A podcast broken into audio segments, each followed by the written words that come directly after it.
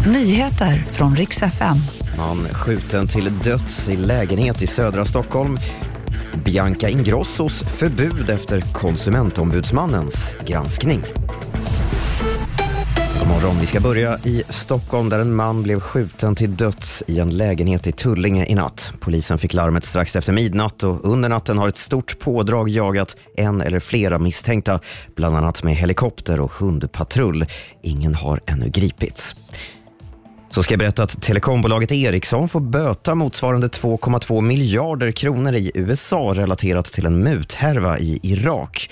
Det var för drygt ett år sedan som SVTs Uppdrag granskning avslöjade att företaget ska ha betalat mutor till terrorsekten IS för att få fortsätta montera mobilmaster i landet.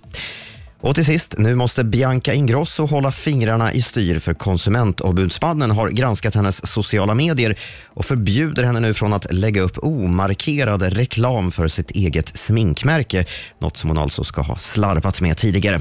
Om hon bryter mot det här förbudet, ja då kan hon få betala vite på 750 000 kronor. Och det var de senaste nyheterna. Jag heter Robin Kalmegård.